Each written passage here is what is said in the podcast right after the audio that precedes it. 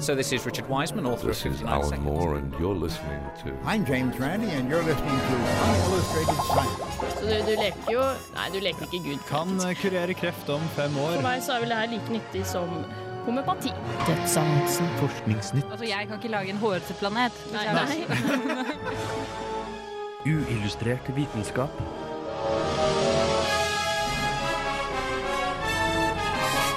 Science, it works, bitches.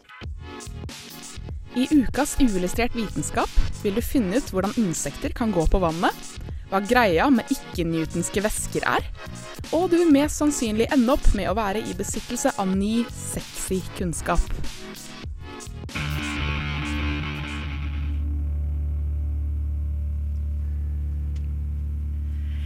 Hjertelig velkommen til Uillustrert vitenskap.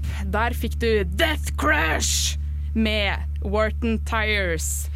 Hjertelig velkommen til Uillustrert vitenskap her på Radio Revolt. Mitt navn er Agnes, og med meg i studio har jeg mine to kompanjonger Øyvind Jepp. og Gaute. Hallo, hallo.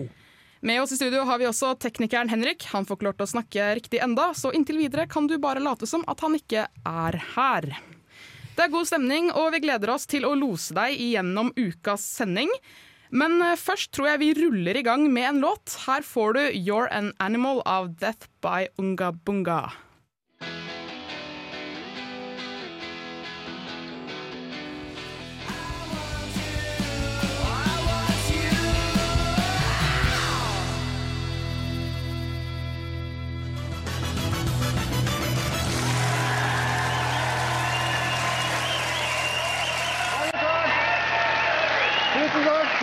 Velkommen til Nytt på Nytt. Vi skal ha Hvem skal ut-oppgaven.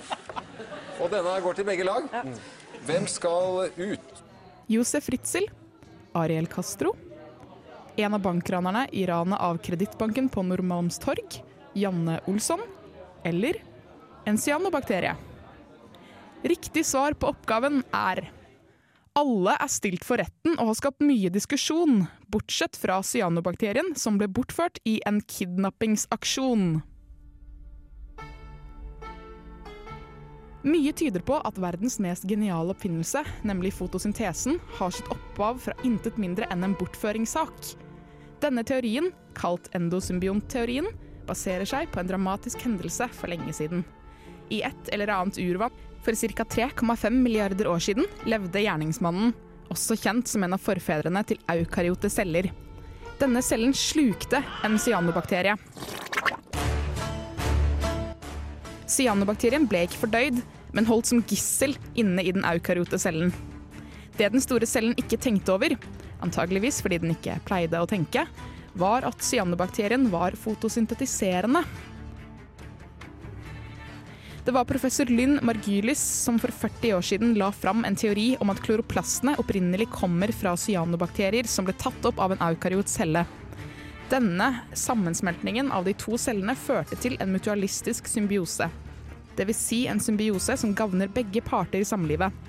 Denne symbiosen var så vellykket at samlivet har holdt ut i mange hundre millioner år. Snakk om kjærlighet. Der fikk du en kjapp innføring i endosymbiontteorien. Og med meg i studio har jeg Vilde.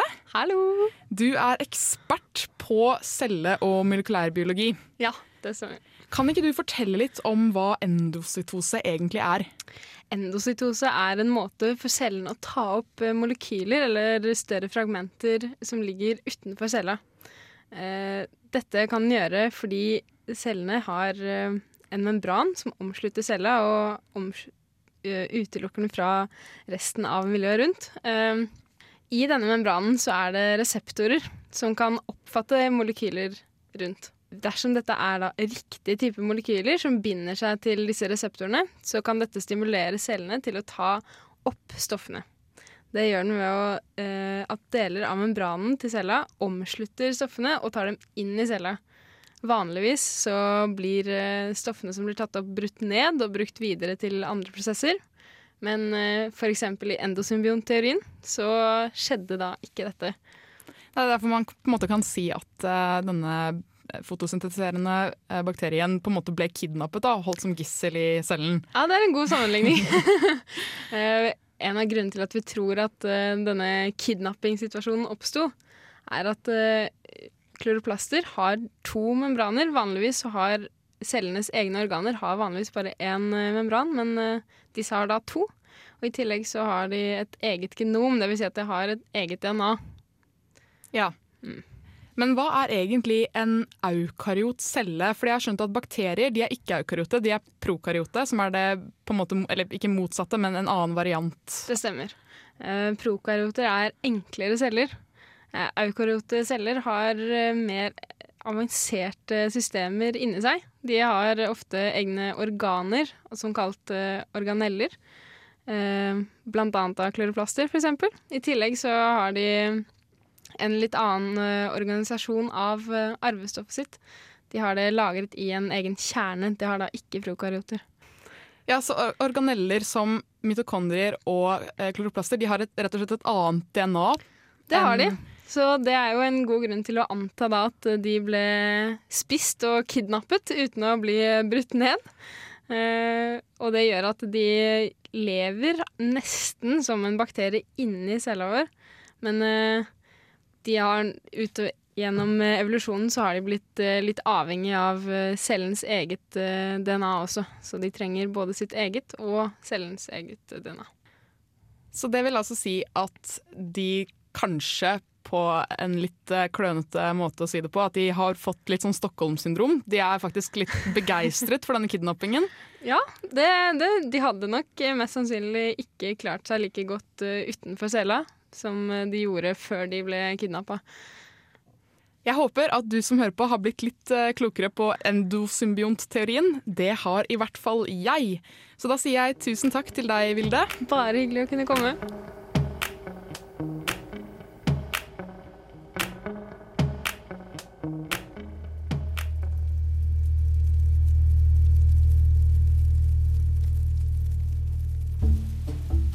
Noen insekter kan gå på vannet. Vann blir trukket opp gjennom trestammer. Du bruker tørkepapir for å fjerne vannsøl, og vanndråper dannes på vinduet ditt når det regner. Men visste du at alt dette skyldes intermolekylære krefter? Mellom molekyler virker det krefter. Disse kalles intermolekylære krefter. De intermolekylære kreftene gir opphav til mange fenomener som vi kjenner. Et av dem er overflatespenning.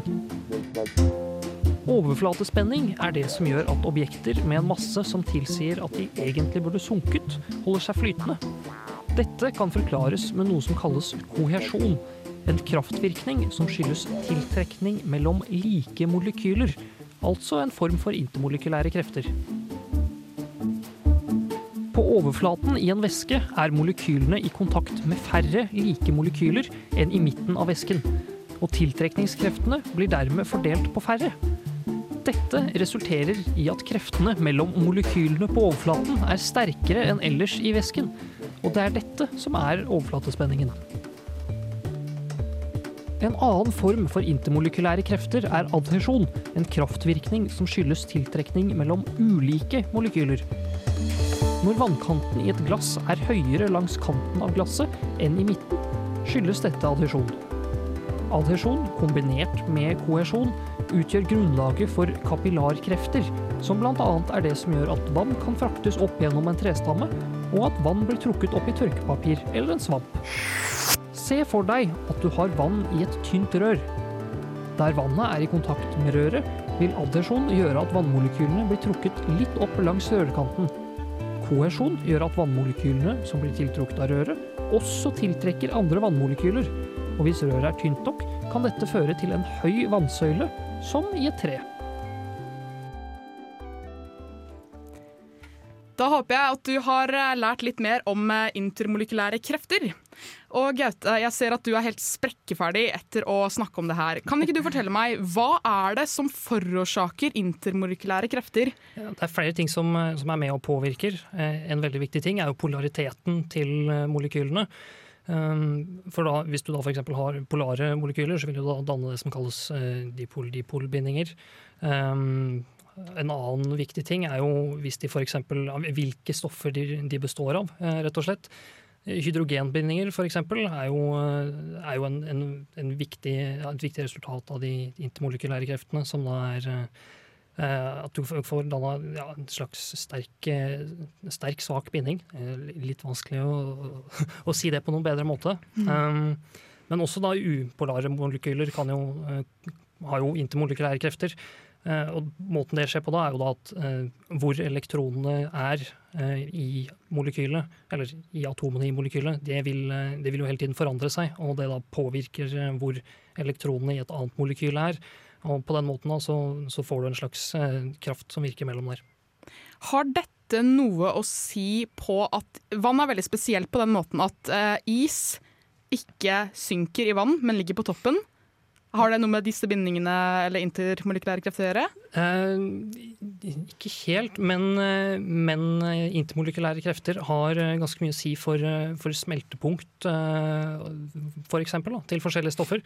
Så, så det er de hydrogenbindingene i vann som, eh, som gjør at, eh, ja, at vann eksempel, oppfører seg litt merkelig med tanke på smeltepunkt og, og sånt. Ja. En hydrogenbinding, eh, hva er det for noe egentlig? Det er en binding mellom hydrogenatomer og se, Er det nitrogen, oksygen eller flor? Jeg Er ganske sikker på at det er. Som da er ja, De har en spesiell tiltrekningskraft på hverandre. Da, av eh, at de har eh, Atomene har ganske få eh, elektroner, sånn at kjernene kommer nærme hverandre. Og så får du en sånn Litt som magneter, på en måte? da? Ja, på en måte. Hm, ikke dårlig. Men jeg drev og tenkte på en annen sak, fordi molekyler er jo, og atomer er veldig utbredt i verden. Man kan jo si at de er i strengt talt alt. Ja. Men du hadde jo veldig mange sånne fine eksempler Mhm. eh, på hvor disse intermolekylære kreftene i sånne dagligdagse eksempler da, hvor de brukes. Ja. Eh, men med så mange molekyler i verden, så må det jo være litt flere kule eksempler. Har du noen flere? Jeg har flere kule eksempler. Eh, Det som kanskje flest eh, har observert, er jo det at hvis du fyller et vannglass, og så kan du fylle vannglasset med mer vann enn det egentlig er plass til, uten at det renner over, fordi at det blir dannet en sånn hinne på toppen, sånn at du ser at det står litt opp fra kanten.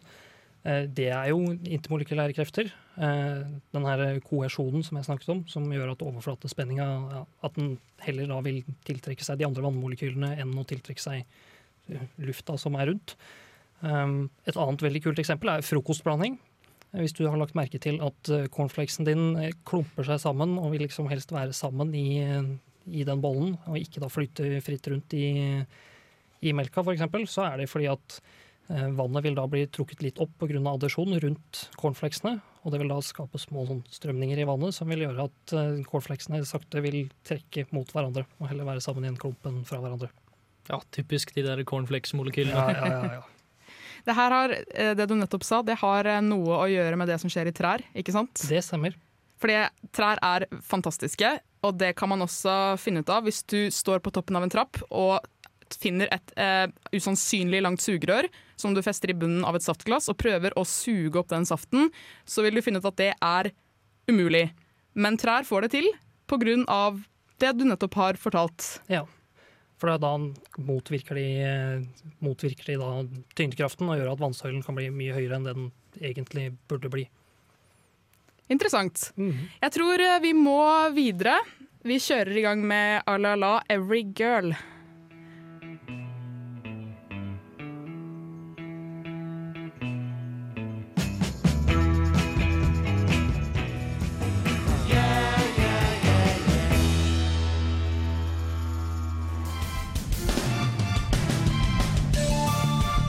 Quiz. Quiz.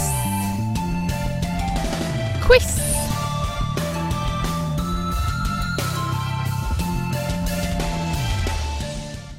Ja, det stemmer. Mange radioprogram har konkurranser og quiz. Vi vil ikke være noe dårligere, og vi sparker i gang med en quiz her i studio. Yay. Kan vi ikke gjøre det sånn at jeg leser opp spørsmålet, og så får dere kaste dere over det hvis dere tror at dere har riktig svar? Dette får du også lov til å være med på, Henrik. ok, da starter vi. Er dere klare? Hold dere fast. Så med egg. Hvilket grunnstoff har kjemisk symbol P? Uh, Ja, fosfor! Fosfor! Nei, svar.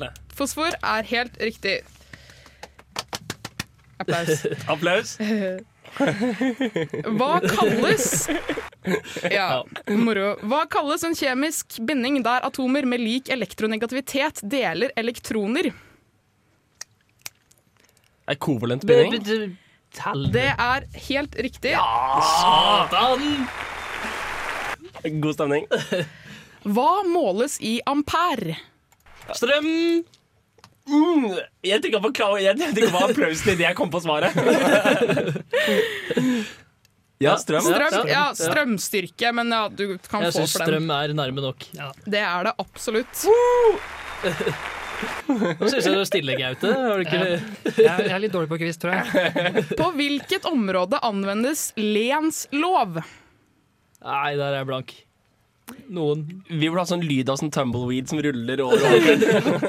OK, ingen som klarer det? Nei. Skal jeg røpe hva det er? Ja. Elektromagnetisk induksjon er svaret på den. Ja, jeg har et fag om det der, der, men du ligger litt foran, tror jeg. Da er det spørsmål nummer fem. Hva er det motsatte og denne her er veldig morsom, hva er det motsatte av akselerasjon? Og jeg vet retardasjon. Det stemmer. Ett poeng til meg. Score. Eh, 1-1 til meg, deg og meg, så er det to til, eh, til Øyvind. Reta retardasjon er et vidunderlig glimrende ord. Vi fortsetter. Fra hvilket land kom astronauten Celsius, som laget temperaturskalaen som er basert på vannets fryse- og kokepunkt? Ungarn. Nei, jeg må nesten hjelpe dere litt. Det er kategoriseres som et naboland av Norge. Russland. Island, nei. Finland. Sverige Sverige er. Ja, men det, ja, ja, men når du sier sånn karakteriseres som et naboland, så tenkte jeg at det ikke var egentlig. Um, hva kalles en innretning som forsterker og sender ut lys? En em, em, emittor? Um, Emitasjon? Nei. For å komme med et lite hint, vi har snakket om dette før. Da var jeg veldig begeistret for dette og kalte det for stjernesverd. Lasersverd! Riktig ord er Lasersverd? laser. er riktig. oh, men ja, ja, det, det, du sa Du sa stjernesverd, lasersverd. Ja, men hun, det var hun som sa sverd. Ja, det er lov. Det er lov, det er lov. Tre, tre til Øyvind. Du kan prøve å si at lasersverd er feil, eh, selv om laser er riktig. Laser er riktig svar. Stjernesverd er det ikke noe som heter, dessverre. Hvor lang tid vil lyset bruke på å tilbakelegge en strekning i luft, parentes, tilsvarende åtte ganger jordens omkrets ved ekvator? Tumbleweed. uh, Ett sekund. Det er helt riktig. Takk til meg! Takk til meg. Men Det vil si, uh, mine damer og herrer, at uh, vi har en vinner. Øyvind, Det har vi. Du er vinner av denne quizen og får være neste ukes quizmaster. Yay. Mens ja, det blir jo på en måte en delt uh, sisteplass her, da. Henrik og Gaute, dere er ukens tapere og må vaske gulvet med ikke-newtonske væsker. Og det er vel da introen til uh, neste sak, er det ikke det? Først skal vi ha en uh, verdens feteste remix.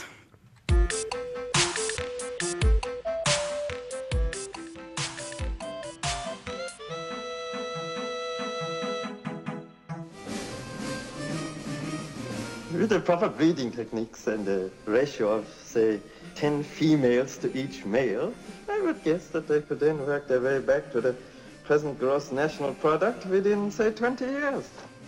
Uillustrert vitenskap.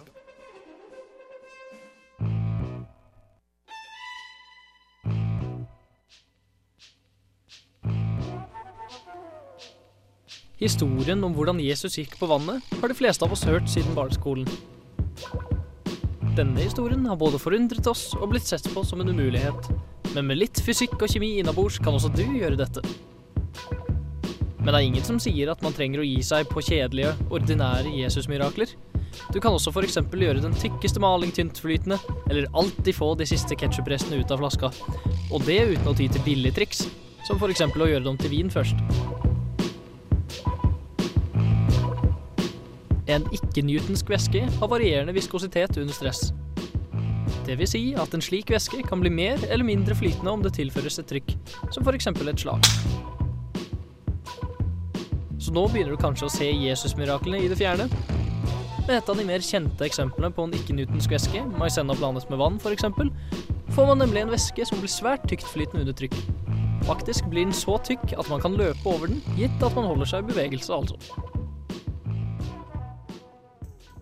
Slike stoffer kan også blandes med andre væsker for å gi dem de samme ikke-newtonske egenskapene. Eksempel vil en tilstrekkelig mengde maisenna blandet med en annen væske gi de samme fortyktende egenskapene.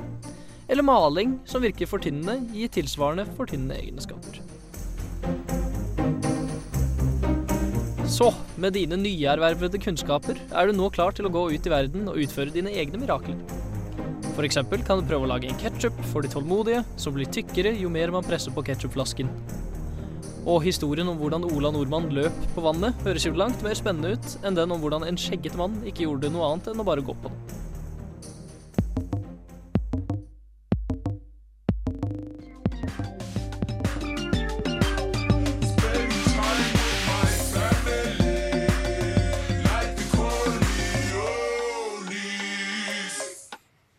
Før du fikk denne lystige trallen av The Knife, hørte du litt om ikke-newtonske væsker. Og Øyvind, ikke-newtonske væsker, veldig interessant. Ja, eh, jeg har for så vidt noen få ting jeg vil eh, utdype her. eh, Som jeg, som jeg syns er litt viktig. Må jo alltid utdype litt. Grann. Har jo ikke så mye tid å snakke på i de her reportasjene. Men jeg tenkte kanskje å fortelle litt grann om hva som faktisk skjer. Og det er ikke så komplisert. Det er litt sånn her inter... Kan ses på som litt sånn intermolekylære krefter, faktisk. Det kan forstås av vi som er biologer. Ja. Men eh, altså det som skjer, kommer jo an på selve stoffet, for det finnes jo eh, såkalte dil dilatante stoffer. Det vil altså si de, som, eh, de ikke-newtonske væskene som blir eh, Beklager, veldig mye, veldig mye eh, greier her. Men det er de som blir tykkere eh, når, man, når de blir utsatt for trykk. da. De, de kalles for dilatante. Og det som skjer der, er det at uh, disse molekylene i væsken ligger veldig nærme hverandre. Og, man, eh, og de kan vanligvis uh, skli så vidt, da. Bare skli forbi hverandre, og sånn får du en flytende væske. Men eller en væske, da. Men uh, det som skjer når du gir et trykk til den her, så vil eh, Så rekker de ikke å skli forbi hverandre, siden de ligger såpass tett, og da går de sammen til én stor, solid masse, liksom. Og så, det er sånn det blir solid, da. Mens i de tyntflytende, også kjent som pseudoplastiske, faktisk, så eh, har vi Der er det litt annerledes. De ligger fortsatt ganske tett, og ligger De er ikke helt stødige, liksom. De ligger helt tett. Uh, også når du, når du utfører trykk, gir et trykk til det, så ødelegges det her, eh, den strukturen de har, da, og så sklir de forbi hverandre, og sånn blir det mer flytende. Men eh, jeg lurer på, hva er det egentlig slike ikke-newtonske væsker kan brukes til? Nei, det er jo faktisk eh, litt av hvert. Det er en del i industrien og sånt. Kan så også at noen hadde fått en idé om å tette igjen hull, eh, hull i bakken og hull rundt omkring, egentlig, med disse her eh, fortynnende væskene. Ja. Eh, Sånn at de lett liksom kan eh, renne ned i disse hullene, og så stivner de etter hvert. da. Det er jo smart. Mm, Men eh, det som kanskje er litt kulere, er det at de har utviklet en sånn her eh, Hva er det heter da? Eh, Beskyttelse? beskyttelse, ja. Beskyttelsesvest. eh, Sånn type som kevlar og sånne ting. Dere har vel hørt om det? Body armor. Jeg har body- ikke body armor, ja. eh, smette inn der, jeg har ikke hørt om det. Kan du fortelle meg hva det er? Nei, altså, Det skiller seg litt ut fra en sånn kevlar-vest ved at eh, det er jo egentlig bare et stoff med Ja, det er sånn Ja. Ja, altså, altså Kevlarvæsk fungerer vel gjerne som altså body armor mot, eh, mot gjerne kniver eller, eller, eller ammunisjon, altså pistolskudd eller rifleskudd. Sånn, sånt, At det er en kevlar-weave som er veldig veldig, veldig sterk, slik at når, eh, når eh, kulen treffer den, så fordeles kraften kulen har utover hele brystet ditt, og, og, og kulen desintegrerer. Ja, for det, det er det som er litt av problemet, faktisk. At selv om det fordeles utover kroppen, så fordeles det ikke veldig bra. Nei. Du kan fortsatt få veldig Du kan fortsatt få litt sånn store skader, Ja, ja. selv om kula ikke går igjennom. Pluss at, eh, pluss at den vesten er da ekstremt stiv, så når du går rundt med den, så kan du jo ikke bøye på materialet. Er Mens derimot, hvis du har en væske som da Det er akkurat det. For derfor har noen fått ideen om å utvikle den her eh, vesten som er laget av en ikke-newtonsk væske. Eller ikke bare laget av det, da, men den har det i seg. Og det er jo mye det, Utelukker en ikke-metodisk væske. det bare renner av deg, og så ja, men. Ja, du må bare gå og helle ikke-nøytronske væsker på deg hele dagen. Men eh, nei, den, eh, den funker jo sånn at eh, Ja, den funker jo som en ikke-newtonsk væske, som de her dilatante som blir tjukkere da, når det kommer trykk på dem. Og de er jo mye lettere enn disse her kevlar-vestene. Og for så vidt, ikke, det er ikke bare kevlar man bruker. Eh, ofte, hvis du skal beskytte mot noe virkelig kraftig våpen, så må du ha keramikkplater i tillegg, Ja, og det er i hvert, da blir du i hvert fall ubevegelig.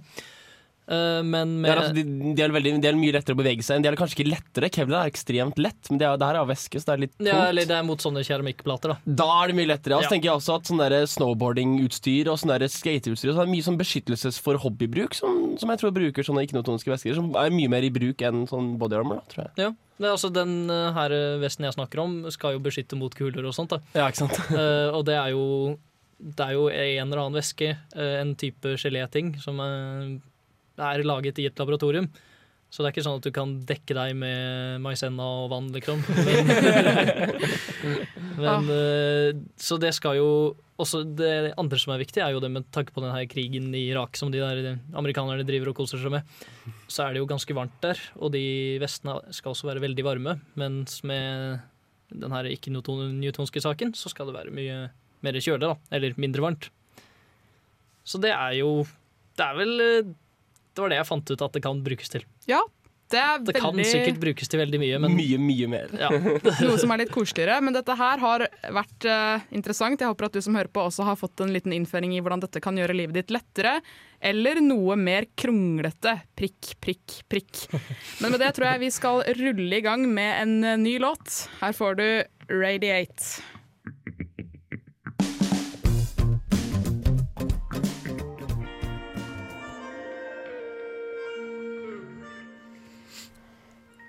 Det var det.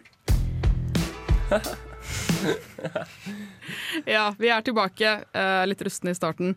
Gaute, jeg vet at du har eh, noe på hjertet som du ønsker å dele med oss i dag. Ja, eh, litt synsing tenkte jeg at det må vi jo, må vi jo få gjort her. Uh, og det jeg har tenkt å, da, å, å synse litt rundt, er ganske mange spesielle sykdommer som eh, vi har eh, ja, Diagnoser som har dukket opp i kjølvannet av eh, teknologien. For det er ikke allting som er så bra som man kanskje skulle tro det er. Og før jeg går videre og kommer med noen, noen eksempler, så, så, vil jeg trekke fram det som, som sikkert mange har hørt om, det som kalles cyberkondria. Eh, Som rett og slett er eh, en, ja, en slags form for eh, hypokondri, sånn at du tror du er syk uten at du egentlig er det. Som kommer fordi man søker på nettet etter, de, etter symptomer man tror man har, og så finner man ut at oi, jeg har jo både kreft og mista et bein og ja, hjernesvulst og ja. er- Nå begynte det å lukte USA her inne. Ja, ikke sant? ja, men det er veldig vanlig at for, at for eksempel psykologistudenter når de leser pensum i årsstudium, så er det veldig vanlig at de identifiserer seg med sånn minst fem av de, de, de, av de sinnssyke sykdommene i boka. Ja, det har jeg hørt så mange ganger fra sånne psykologistudenter. Og du kan tenke deg at Når du da har internett, som er en sånn uendelig søkebase, som man kan søke på alle mulige rare sykdommer, så er det jo ikke rart at man dukker opp med noe rart noe. Så det jeg vil si er at Hvis du kjenner deg igjen på noe av det jeg har tenkt å si nå, så mest sannsynlig ikke søk søkt opp. For, eh, Ikke søk opp søk. Ikke, ikke, ikke søkt opp. Du har det antageligvis ikke, men eh, ja. Eh, Det første jeg har tenkt å ta opp, er eh, noe som på engelsk kalles for PlayStation Palmar hydradentis, eller, eller noe sånt noe. Som er et spesielt type utslett som du kan få hvis du spiller på PlayStation. Um, først oppdaget hos en tolv år gammel jente i Sveits, eh, som da fikk et, eh, et veldig spesielt type utslett akkurat da på håndbaken fordi at hun eh, holdt den PlayStation-kontrollen såpass intenst over en lengre periode. Og det har da til og med fått et eget fint navn.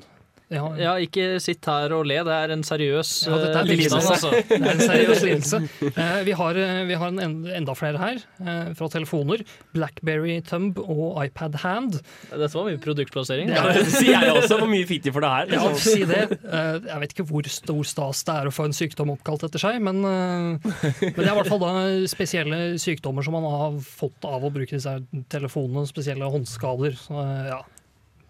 Det er ikke så veldig mye mer spennende enn det, egentlig. Bortsett fra det veldig fine Navnet? Jeg liker at det er navnet. forskjell på Blackberry og iPhone. Ah, ja, men er også- det er Blackberry Thumb, og så er det iPhone Hand. Det er veldig, det er veldig forskjellige symptomer og alt. Det er helt forskjellig. Ja, ja, det var visstnok fordi at den der Blackberryen har en sånn liten kule som du driver og og ruller Ja, ikke sant, så ja, da får du den uh, tommelen der. Mens ja, iPhone er vel mer hånda, da, på en eller annen måte. Ja, ikke sant?